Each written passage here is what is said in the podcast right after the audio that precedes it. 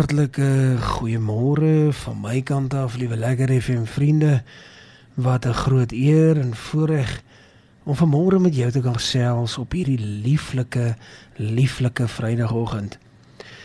Dit is so groot voorreg gewees om die afgelope week 'n bietjie oor die konsep van wat van watter stoffasie is jy gemaak te praat. En jy weet hierdie is iets wat ek nou al vir baie jare in my lewe hoor. Vandat ek 'n klein ou seentjie was, het ek dit al baie baie gehoor. Van watter stoffasie is jy aan mekaar gesit? Het sy of jy goed gedoen het of sleg gedoen het? Baie maal sal jy hoor dat iemand dit sal sê. En dit het my baie laat dink die afgelope paar maande en wonder ek ook maar van watter stoffasie mense aan mekaar gesit is. En ons het juis hierdie hele week gepraat oor 'n klomp konsepte, klomp gedagtes, 'n klomp karaktereienskappe wat uitmaak van watse stoffasie jy aan mekaar gesit is. En weet jy wat, liewe lekker FM vriende, ek het gister juis gesê dat ek van, vandag graag die geleentheid wil gebruik om 'n bietjie van 'n oorsig te bring oor hierdie karaktereienskappe. Maar ek het myself baie mooi en stadig bedink. En ek het in steede gevoel dat ek graag 5 van die heel belangrikstes wil uitlig wat vir my nogal 'n aanduidende faktor was. Wat nogal vir my baie belangrik was in die vorming van hoe ek gekyk het na my unieke bestaan hier in hierdie wêreld waar die Here my geplaas het, die Here my geroep het. En ek wil graag dan nou vanmôre net hierdie 5 en ek wil hê jy moet dit neerskryf. Vat 'n pen en papier, vat jou Bybel, skrywe hierdie 5 neer.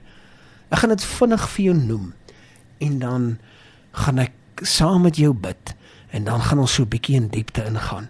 Die eerste is die konsep van eerlikheid, waarheid. Hy's verbind te mekaar. Eerlikheid, waarheid. Die tweede is dis dissipline. Baie belangrik. En dan respek. En dan die vierde gedagte is dankbaarheid. En dan die vyfde is vriendelikheid en sagmoedigheid. Weer verbind te mekaar ons het juis gister daaraan geraak. Maar ek wil graag hê ons moet oor dit vandag praat en daarop fokus en ek ek bid regtig dat hierdie 5 As jy niks anders onthou nie en onthou hierdie 50, gaan dit al reeds iets in my hart beteken. Maar kom ons sit net so. Dan sluit ons die oë, dan bid ons saam. Hemelse Vader, dankie vir u woord. Dankie dat u woord vanmôre vir ons treffend is. Dankie dat u woord hierdie afgelope week ons harte kom omkeer het en ons baie diep laat reflekteer het op ons eie lewe. En miskien dalk het dit veroorsaak dat ons Here hand in eie boesem steek. En ek hoop dit het gebeur en dit is besig om te gebeur. Seën ons dan nou soos ons hierdie gesprek na einde toe bring in Jesus naam. Amen. En amen.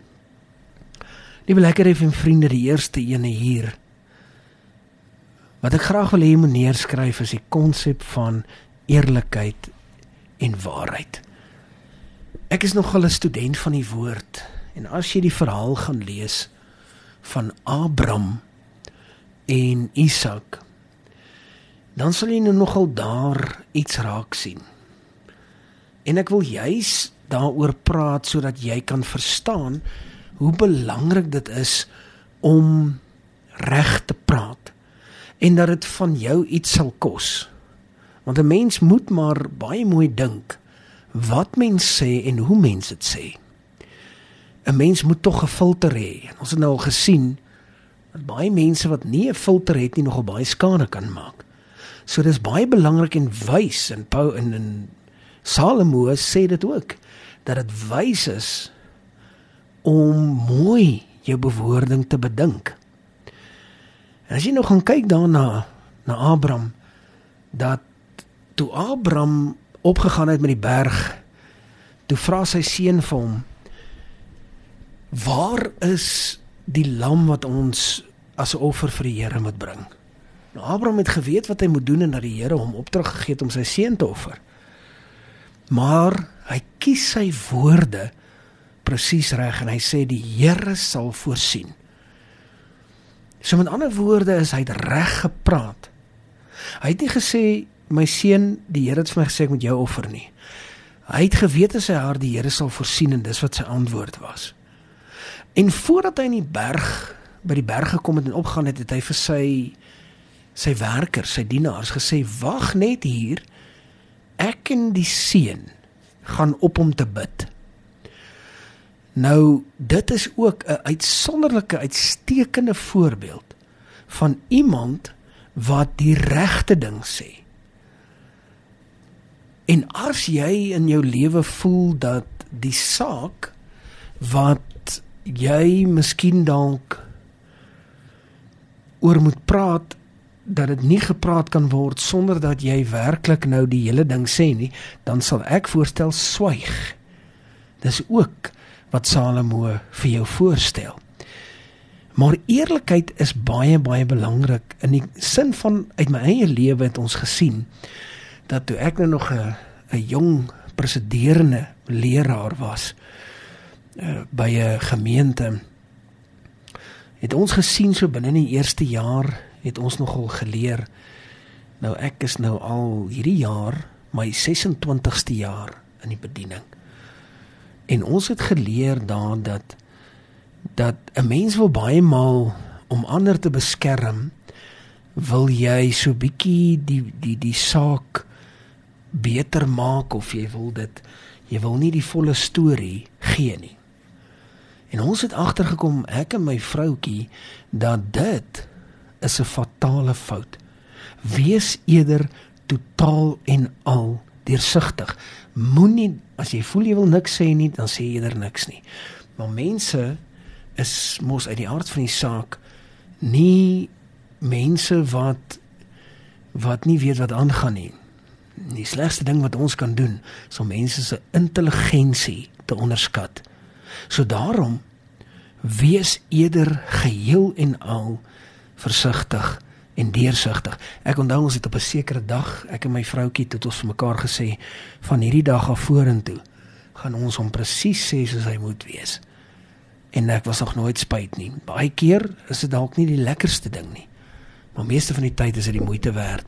Die tweede gedagte is dissipline. As jy jou oë toemaak en jy sien die woord dissipline, sal jy onmiddellik ook sien daar staan geskrywe disipelskap.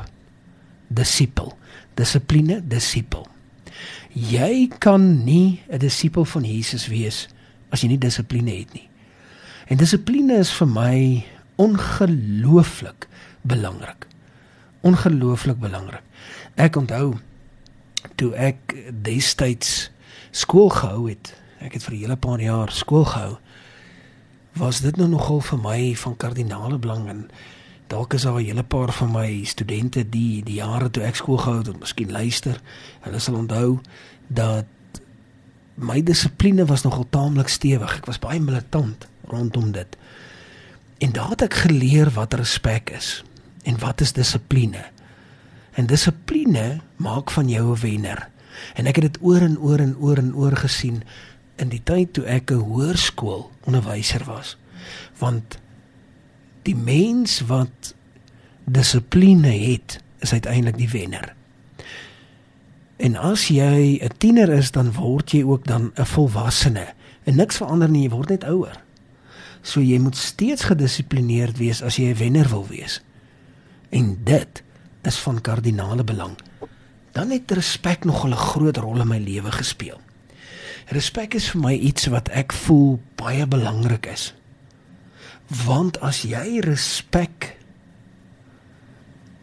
vir mense kan wys, dan beteken dit hulle sal jou in ruil respekteer. En daar het 'n sekere voorval gebeur in in my lewe wat wat dit vir my deur en deur bewys het en dat my lewe handomkeer verander het as gevolg van dat ek die nodige respek gewys het toe dit nodig was. En my lewe was op pad na een rigting toe en het heeltemal verander en skielik op pad na 'n ander rigting toe die Here het dit so bewerkstellig. Dan die vierde gedagte is die gedagte van dankbaarheid. Nou dankbaarheid is 'n ding wat 'n gegewe is.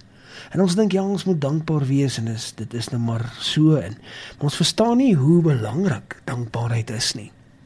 Ek onthou as 'n jong seun was daar 'n sekere meneer wat nogal 'n baie groot rol gespeel het in 'n sekere saak in my lewe. En tot hierdie dag toe, nou praat ons mos nou hier van 'n goeie 35 jaar gelede. En tot hierdie dag toe is dit vir my van kardinale belang om te probeer om daardie klip wat miskien in sy pad sal wees uit te rol. As gevolg van omdat ek dankbaar was toe dit getel het daar het 'n sekere ding gebeur in my dankbaarheid rondom dit het gemaak dat ek tot hierdie dag toe as ek kan sal bystaan waar dit ook al moontlik is. En glo my maar daar was 'n geleentheid nie te lank terug nie waar ek gesien het daar was 'n behoefte en het ek regtig probeer om by te staan as gevolg van ek gesien het dat daar 'n behoefte was en dat ek dankbaar was vir wat 35 jaar gelede gebeur het. Is dit nie treffend nie? Wees jy dan ook die een wat die verandering bring, maar ook die een wat dankbaar is? Dan my laaste gedagte voordat ek heeltemal afsluit vanmôre. Is die wat ek gister ook genoem het. Dit is vriendelikheid, nee, jy kan dit gaan lees. Die gedagte van vriendelikheid gepaard gaande met sagmoedigheid is een wat my hele hele lewe verander het. En ek het so vlugtig genoem dat ek 'n student was en dat ek 'n baie moeilike tyd gehad het en daar was 'n 'n vriend wat die Here gestuur het wat die vriendelikheid van self was en saghart was. En dit het my lewe aangeraak toe ek dit die meeste nodig gehad het. En jy sal nie weet wie in jou lewe het die meeste daardie vriendelike woorde nodig nie. Die woord van die Here sê dat vriendelikheid, vriendelike woorde is soos 'n soet heuningkoek.